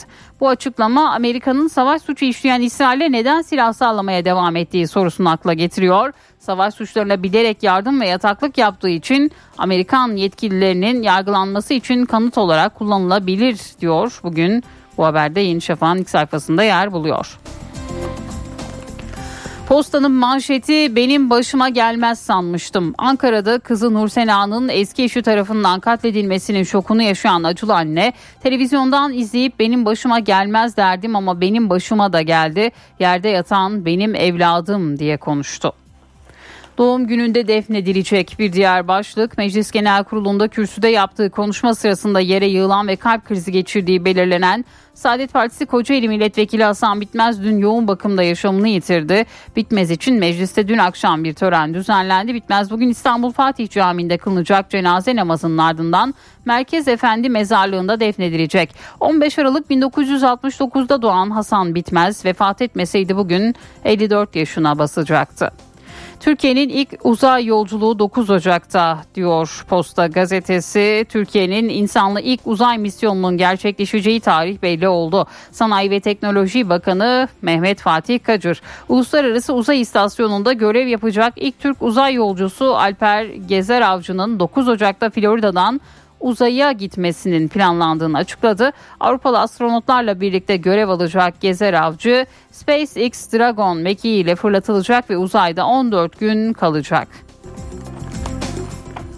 Cumhuriyet'in manşeti güçlü adaylar vitrine çıktı. CHP Parti Meclisi yerel seçimlerde yarışacak 4 büyükşehir 227 başkan adayını belirledi. İstanbul'da İmamoğlu, Ankara'da Yavaş, Bursa'da Bozbey, Balıkesir'de Akın aday gösterilecek. 4 isim anketlerden kazanacak aday olarak çıktı. Partiye dönen Tanju Özcan Bolu'dan yeniden aday gösterildi. Kulislerde Beşiktaş, Beylikdüzü, Büyükçekmece ve Küçükçekmece'de görev yapan başkanların yine aday gösterileceği konuşuluyor. İmamoğlu'nun mesai arkadaşları Sinem Dedetaş, Adalar veya da Üsküdar, Mithat Bülent Özmen, Eyüp Sultan, Mahir Polat Fatih ve Emrah Şahan'ın Şişli isimleri dile getiriliyor. Bir diğer haber çocuk nöroloğu bulunamıyor. Türk Nöroloji Derneği verilerine göre Türkiye'de 100 bin çocuk başına düşen nörolog sayısı sadece 1.3'te kaldı. Birçok ilde çocuk nöroloğu yok. Hastalar tedaviye erişemiyor. Verilerimiz tehlikede, tehlikede Cumhuriyet Gazetesi'nin ilk sayfasına taşıdığı bir diğer başlık. Hemen onu da aktaralım. Silah ve uyuşturucu satışıyla gündeme gelen Telegram üzerinden yurttaşların Mernis bilgilerine de ulaşıldığı ortaya çıktı. Hukukçular asıl sorun devletin verilerimizi koruyamaması, denetim yapılmalı dedi ve yine Cumhuriyet Gazetesi de bu başlığı ilk sayfasına taşıdı bugün. NTV Radyo Evdeki Hesap. Profesör Murat Ferman hafta içi her gün ekonomideki güncel gelişmeleri NTV Radyo dinleyicileri için yorumluyor. Günaydın Sayın Ferman, mikrofon sizde. Zeynep Gül Hanım günaydın. İyi bir gün, iyi yayınlar dilerim. İstatistik kavramını İngilizce dilinde ilk defa 1798 yılında İskoçya'nın e, istatistik dökümü başlıklı çalışmasıyla Sir John Sinclair gerçekleştirmiş. Aslında istatistik kavramı Latince'de statista kavramına dayandırılıyor. Ee, daha doğrusu statüs kavramıyla akraba olduğu düşünülüyor. Almanlar 1750'li yıllar civarında statistik kavramını kullanıyorlar. Ee, Fransızlar 1785'te statistik kavramını e, gündeme getirirken e, Hollanda dilinde, Dutch dilinde de 1807 yılından bu yana statistik kavramını görüyoruz. İstatistik modern hayatın vazgeçilmez parçalarından bir tanesi. Netice itibariyle istatistik denildiğinde akla gelen ilk istatistik kulvarlarından bir tanesi de demografi.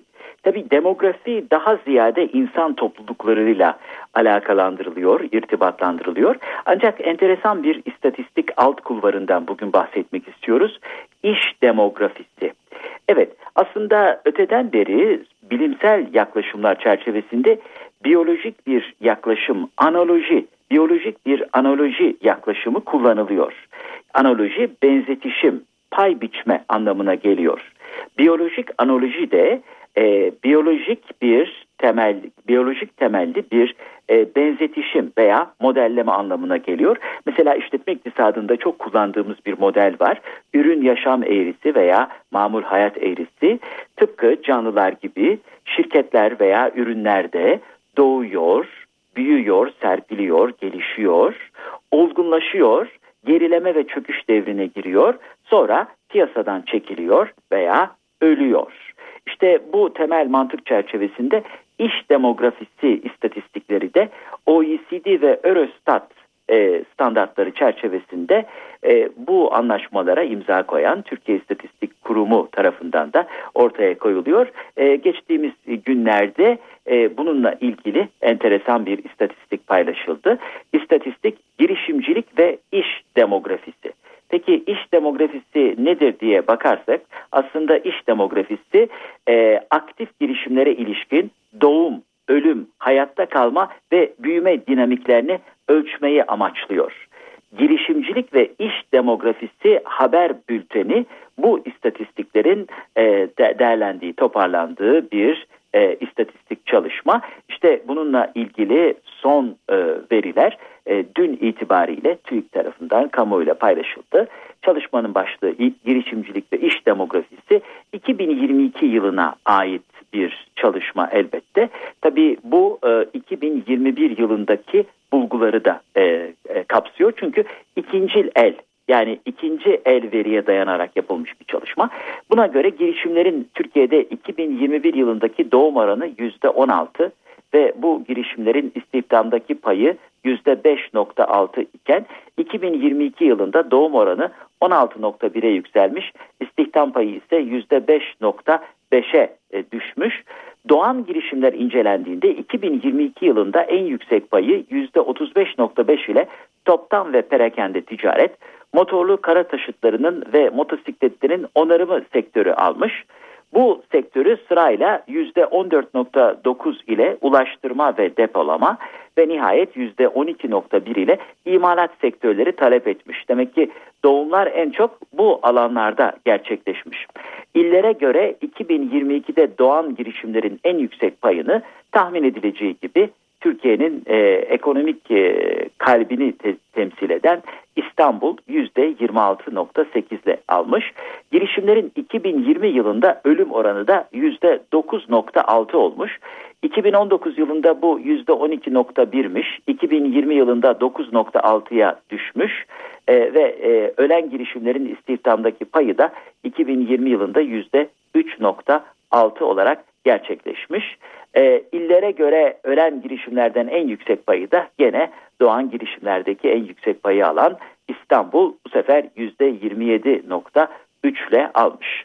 Girişimlerden 2021 yılında doğanların yüzde doğanlardan %75'i de 2022 yılında da hayatta kalmış.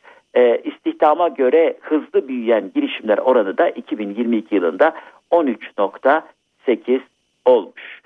İmalat sanayinde 2022 yılında doğan girişimlerin %60'ı düşük teknoloji ürünleri üretmiş ve kuruluş yılı 2016 ve sonrası olan girişimlerin 2022 yılındaki ciro payı da %22 olmuş. Evet işletme demografisi enteresan bir kavram. Bununla ilgili daha zengin bilgiler de var. Dediğimiz gibi şirketleri biyolojik bir analoji çerçevesinde tıpkı canlılar gibi doğan, büyüyen, yaşayan, serpilen ve e, ölen yani ekonomik hayattan girişimcilik grafiğinden düşen istatistiklerden düşen bir yapıda değerlendiriyor. Tabii hafta sonu keyfinizi kaçırmak istemem ama Türkiye'de bir de şu anda gündemde olan ve önümüzdeki senede çok tartışacağımız zombi şirket kavramı da var. Nedir zombi? Bu popüler kültürün son 5-10 yılda öne çıkarttığı bir kavram. Hani ölmüş de aslında ölü de yaşıyormuş gibi yapan. Evet e, ekonomi iklimi sertleşince zombilerin de zombiliklerini yerine getirmeleri e, garip de olsa zombici hareketler yapmaları e, zorlaşacak. Bakalım zombi şirketlerin durumu önümüzdeki günlerde ne olacak hep birlikte izleyeceğiz. Bu genel bilgi paylaşımı ve değerlendirme çerçevesinde değerli dinleyenlerimize katma değeri yüksek ve yüksek katma değerli bir gün ve esenliklerle dolu bir hafta sonu diler. Huzurlarınızdan hürmetlerle ayrılırım. Profesör Murat Ferman'la evdeki hesap sona erdi. Kaçırdığınız bölümleri www.ntvradio.com.tr adresinden dinleyebilirsiniz. Dünya markası Bras çatı sistemleri finans bültenini sunar.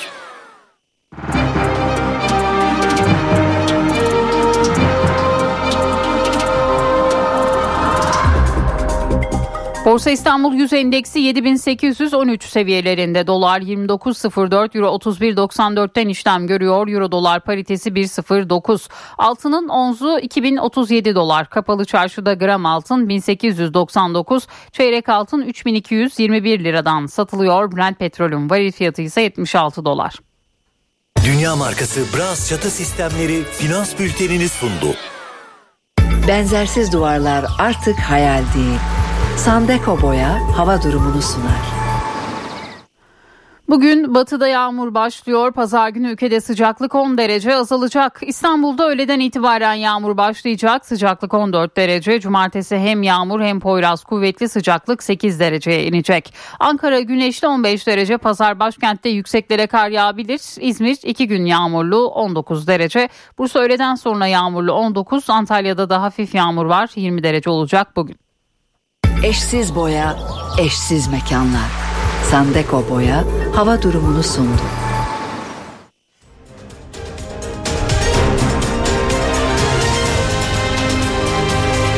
NTV Radyo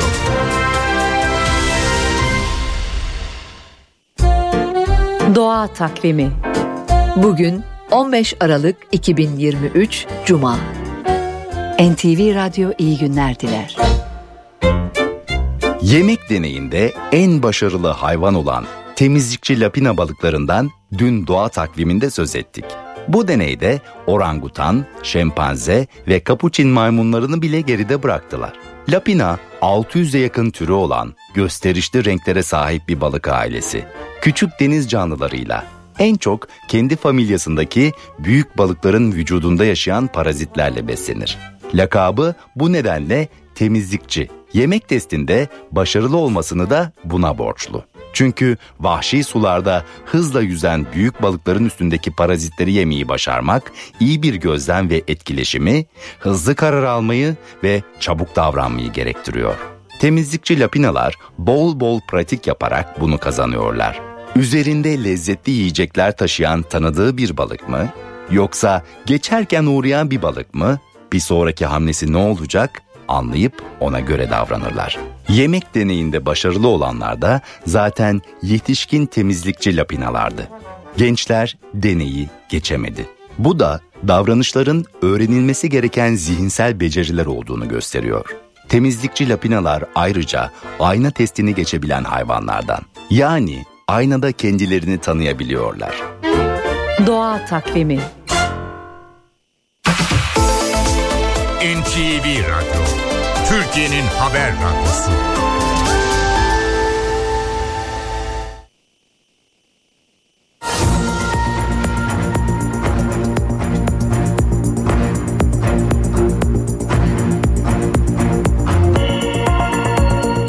NTV Radyo'da haberleri aktarmayı sürdürüyoruz. Denizli'nin Acıpayam ilçesindeki krom madeninde gece meydana gelen göçükte bir mühendisle bir işçi hayatını kaybetti. Göçük altında kalan Mustafa Karahan adlı işçi yaklaşık 4 saat süren mücadele sonunda kurtarıldı. Karahan'ın sağlık durumu iyi.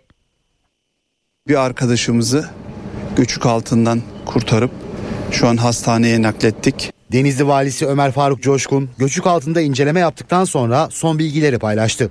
Denizli'nin Acıpayam ilçesindeki krom madeninden saat 23 sıralarında göçük ihbarı geldi. Arama kurtarma ekipleri alarma geçirildi. Madende mahsur kalan 3 kişiyi kurtarabilmek için zamana karşı yarış başladı. Jandarma, sağlık, itfaiye ve AFAD ekipleri harekete geçti. Mühendis Kadir Özer ile işçilerden Rıfat Salman'ın cansız bedenlerine ulaşıldı. İşçilerden Mustafa Karahan'ın göçük altındaki yeri tespit edildi ve ses ile temas sağlandı. Kurtarma çalışması dördüncü saatte sonuç verdi ve Karahan enkaz altından çıkartılarak hastaneye sevk edildi.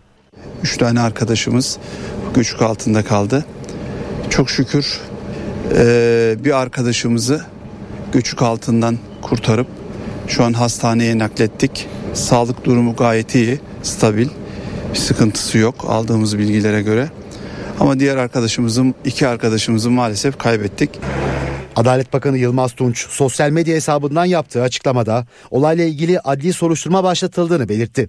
Aynı maden sahasında geçen yılda bir göçük meydana gelmiş. 16 işçi kurtarılırken bir işçi yaşamını yitirmişti. Cumhurbaşkanı Recep Tayyip Erdoğan Amerikan Başkanı Joe Biden'la telefonda görüştü. Cumhurbaşkanlığı İletişim Başkanı Fahrettin Altun görüşmenin ayrıntılarını NTV'de katıldığı canlı yayında anlattı. Altun görüşme talebinin Biden'dan geldiğini söyledi. Görüşmenin bir saat sürdüğünü ifade etti. Ankara-Washington hattında önemli bir görüşme gerçekleşti.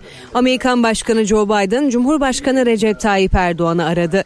Cumhurbaşkanlığı İletişim Başkanlığından yapılan açıklamaya göre bir saat süren görüşmede ana gündem İsrail'in Gazze'ye yönelik saldırılarıydı. Cumhurbaşkanı Erdoğan Gazze'de yaşanan insanlık dramına bir an önce dur denilmesi gerektiğini belirtti. Bölgede hızlı bir ateşkes sağlanması için Amerika'nın İsrail'e yönelik kayıtsız şartsız desteğini çekmesi gerektiğini de ifade etti. Ateşkes talebini hem dünya hem de Amerikan kamuoyunun yüksek sesle dile getirmeye başladığını hatırlattı. Bölgede kalıcı ateşkesin sağlanmasında Amerika'nın tarihi bir sorumluluğu olduğunun altını çizdi. Erdoğan İsrail saldırılarının derinleşmesinin ve uzamasının bölgesel ve küresel çapta olumsuzluklara neden olacağını da belirtti.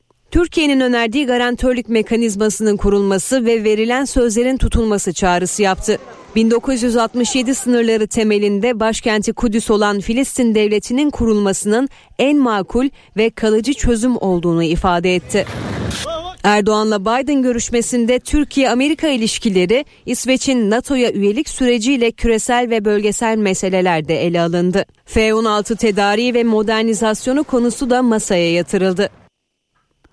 Ankara gücü eski başkanı Faruk Koca'nın hakem Halil Umut Meler'e saldırdığı maçın ardından verilen cezalar belli oldu. Koca futboldan ömür boyu men edildi. Türk futbolundaki hakeme şiddet skandalının faturası belli oldu. Sorumlu kulüp ve kulüp yöneticileri Halil Umut Meler'e yapan saldırıda bulunanlar tüm suçlular en ağır şekilde cezalandırılacaktır. Pazartesi akşamı oynanan Ankara Gücü Çaykur Rizespor maçının ardından Ankara ekibinin başkanı Faruk Koca sahaya girerek hakem Halil Umut Meler'e yumruk atmış, yere düşen hakem tekmelere maruz kalmıştı. Profesyonel Futbol Disiplin Kurulu kararlarını açıkladı. Faruk Koca futboldan ömür boyu men edildi. Talimatlara aykırı hareketi, müsabaka hakemine yönelik saldırısı, tehdidi ve sebep olduğu saha olayı nedeniyle 5 yıl hak mahrumiyeti cezası alan Koca, 3 yılı aşan cezalar sebebiyle sürekli hak mahrumiyeti cezasına çarptırıldı. Ankara Gücü Kulübü de 5 maç seyircisiz oynama ve 2 milyon lira para cezası aldı. Hakem Ali Umut Meler'e saldıranlar arasında yer alan Şahin Yunus Şahin ve Kenan Çelikkaya'ya da futboldan ömür boyu men cezası verildi.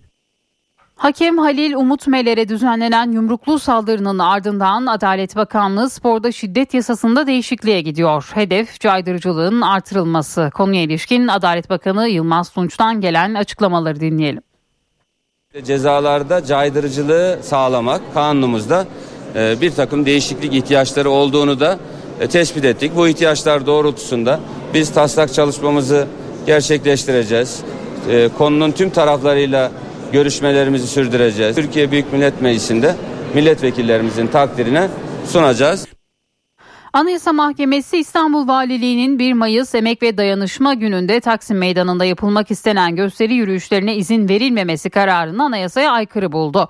Yüksek Mahkeme Türkiye Devrimci İşçi Sendikaları Konfederasyonu'nun 2016 yılında yaptığı başvuruyu karara bağladı. İstanbul Valiliği'nin Taksim Meydanı'na ilişkin aldığı yasaklama kararıyla toplantı ve gösteri yürüyüşü düzenleme hakkının ihlal edildiğine karar verildi. Gerekçeli kararda Taksim Meydanı'nın İstanbul'da belirlenen toplantı toplantı ve gösteri yürüyüşü alanları içerisinde yer almamasının yeterli bir gerekçe olmadığının altı çizildi. Hedeflenen amaçlara ulaşılabilmesi için mekanın önemi gözetimin, e, gözetildiğinde mekan seçme serbestisinin kategorik olarak yasaklanması anayasal hak bakımından kabul edilemez denildi. Karar benzer hak ihlallerinin önlenmesi amacıyla İstanbul Valiliği, İstanbul İl Emniyet Müdürlüğü ve İstanbul Cumhuriyet Başsavcılığına da gönderildi. 31 Mart yerel seçimlerine yaklaşırken CHP'de aday belirleme çalışmaları sürüyor. Bu kapsamda gerçekleştirilen parti meclisi toplantısında 4'ü büyükşehir 10 ilin belediye başkan adayları belirlendi. İstanbul'da Ekrem İmamoğlu, Ankara'da ise Mansur Yavaş yeniden büyükşehir belediye başkan adayı oldu. 4 büyükşehirden ikisi zaten önceki genel başkanımız Sayın Kemal Kılıçdaroğlu ve Genel Başkanımız Sayın Özgür Özel tarafından ilan edilmişti. İstanbul Büyükşehir Belediye Başkan adayımız Sayın Ekrem İmamoğlu, Ankara Büyükşehir Belediye Başkanımız ise Sayın Mansur Yavaş. 31 Mart yerel seçimlerine kısa bir süre kala Cumhuriyet Halk Partisi aralarında 4 büyük şehrin de bulunduğu 227 seçim bölgesinde belediye başkan adaylarını belirledi. CHP Genel Başkanı Özgür Özel Başkanlığında gerçekleştirilen Merkez Yönetim Kurulu ve Partisi meclis toplantısında alınan kararları parti sözcüsü Deniz Yücel kamuoyuna açıkladı.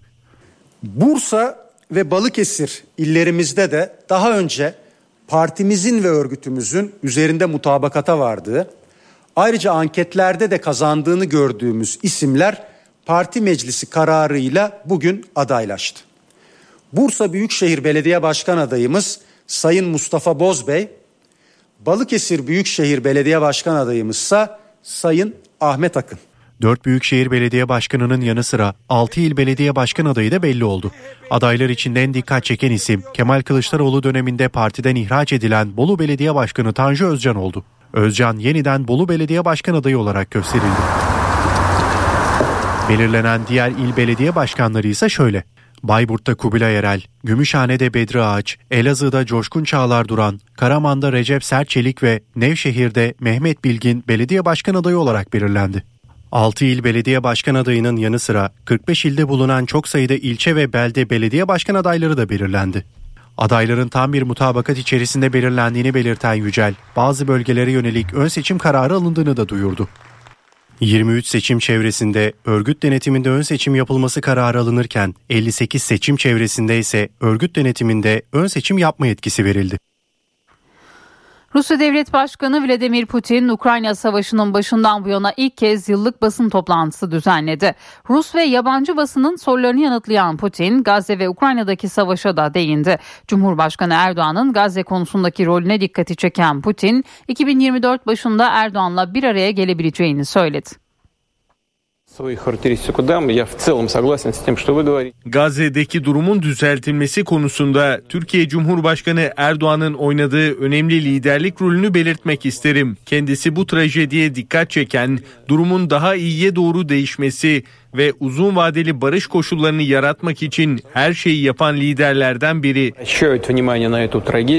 Rusya Devlet Başkanı Vladimir Putin, Ukrayna Savaşı'nın başından bu yana ilk kez düzenlediği yıllık basın toplantısında konuştu. 4 saatten uzun süren toplantıda hem Rus hem de yabancı basının sorularını yanıtladı. Gazze'de yaşananların tam bir felaket olduğunu söyleyen Putin, Cumhurbaşkanı Recep Tayyip Erdoğan'ın bölgedeki durumun normale dönmesinde önemli bir lider rolü sergilediğini belirtti. Türkiye gibi başkenti Doğu Kudüs olan Filistin devletinin kurulmasına dair Birleşmiş Milletler kararlarının uygulanmasından yana izledi.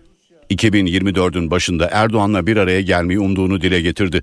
Ukrayna'daki askeri operasyonda hedeflerinin değişmediğini de vurgulayan Putin, Rus güçlerinin neredeyse tüm cephelerde mevzilerini güçlendirdiğini, bölgede savaşan 617 bin Rus askeri olduğunu söyledi.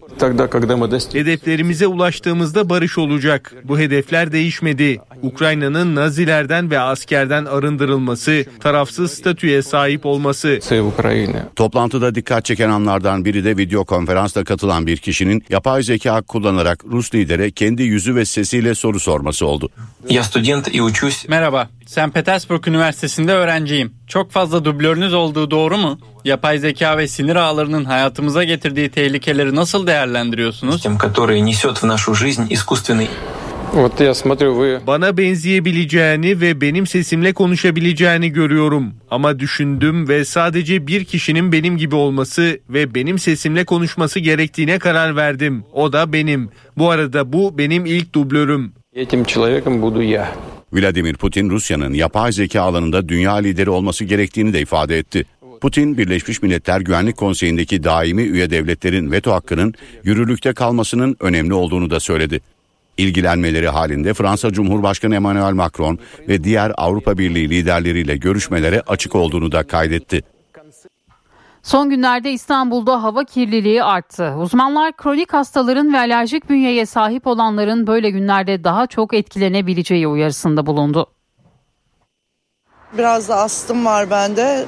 Daha çok katlanıyor. Bayağı nefes nefeseyim şu anda. Öyle kötü bir hava kalitesi var burada. İstanbul'da hava kirliliği son günlerde arttı.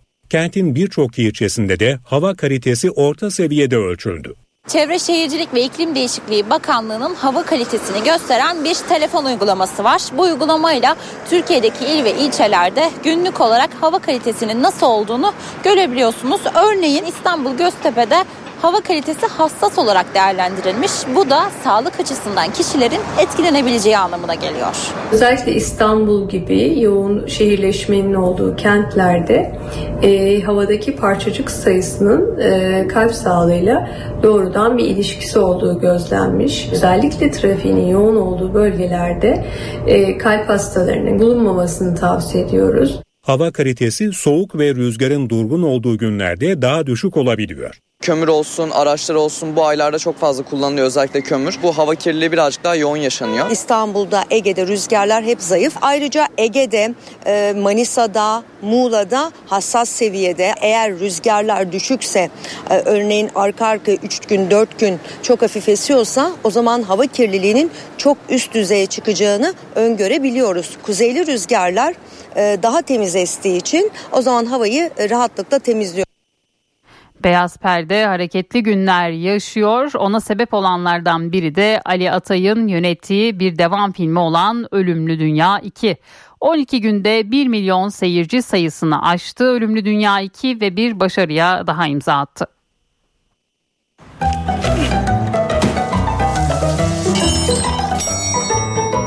İlk film 2018'de vizyona girdi. Sinema salonlarına 600 bine yakın seyirci toplasa da filmin hayranları yıllar içerisinde arttı. Bizde ilişkimiz açığa çıktı. Ne anlatıyorsun sen ya? Ne ilişkisi açığa çıktı? Rahmetli yengencin adını koydum soy isim isim şeklinde. Mermer Merve, mermer verme, vermer mermer. Buraya saklanmaya mı geldiniz? Yok yok hayır saklanmak değil aslında çok haklısın tabii. 5 yıllık aranın ardından Mermer ailesi yeni maceralarını Ölümlü Dünya 2'de seyirciye sundu. Ali Atay'ın ilk filmde olduğu gibi yine yönetmen koltuğunda oturduğu film gişede 1 milyon seyirci barajını aşarak başarıya imza attı. Yapımcı şirket 1 milyon seyirciye ulaşma haberini sosyal medyada 12 günde 1 milyon seyirciye ulaştık. Beyaz perdede bizimle beraber gülen herkese teşekkür ederiz mesajıyla duyurdu. Tabancayla geldiğim yere roket atarla geldin sen. Şimdi. Sette öncesinde hazırlık sürecinde sonrasında böyle santim santim filmin oluşumunu görmek ya benim de bir seyircisi olarak o kadar hoşuma gitti ki bu durum. Ya filmi böyle çekince çok zevk alıyor insan. Yani ben büyük bir zevkle bitirdim. Uzun bir süredir bir kaçış halindeyiz. Bizim peşimizde biliyorsunuzdur herhalde ailemizi öldürmek isteyen insanlar var. Filmin oyuncu kadrosunda ilk filmde olduğu gibi Feyyaz Yiğit, Sarp Apak, Mehmet Özgür, İrem Sak, Alper Kul ve Ahmet Mümtaz Taylan gibi isimler yer alıyor. Filmden beklentimiz yüksek. Benim beklentim yüksek. Memleketin hali zor, dünyanın hali zor. Zor bir dönemden geçiyoruz. Hepsinin de çilesini çekiyoruz bir şekilde, bir ölçüde. E biraz da gülmeyelim mi? E, ölümlü dünya onun için birebirdir. Şimdi bir de iki kişiyim yani. Tek kişiyle e, başladık. Şu an bir de e, o karaktere 9 aylık bir e, hamileliğin verdiği bıkkınlık da katlandı. Ben çok eğlendim oynarken. Bir arada olamıyoruz. Dolayısıyla hem Zafer'i hem aileyi kurtarmak için bize daha köklü bir çözüm lazım. NTV Radyo HDI Sigorta İstanbul'un yol durumunu sunar.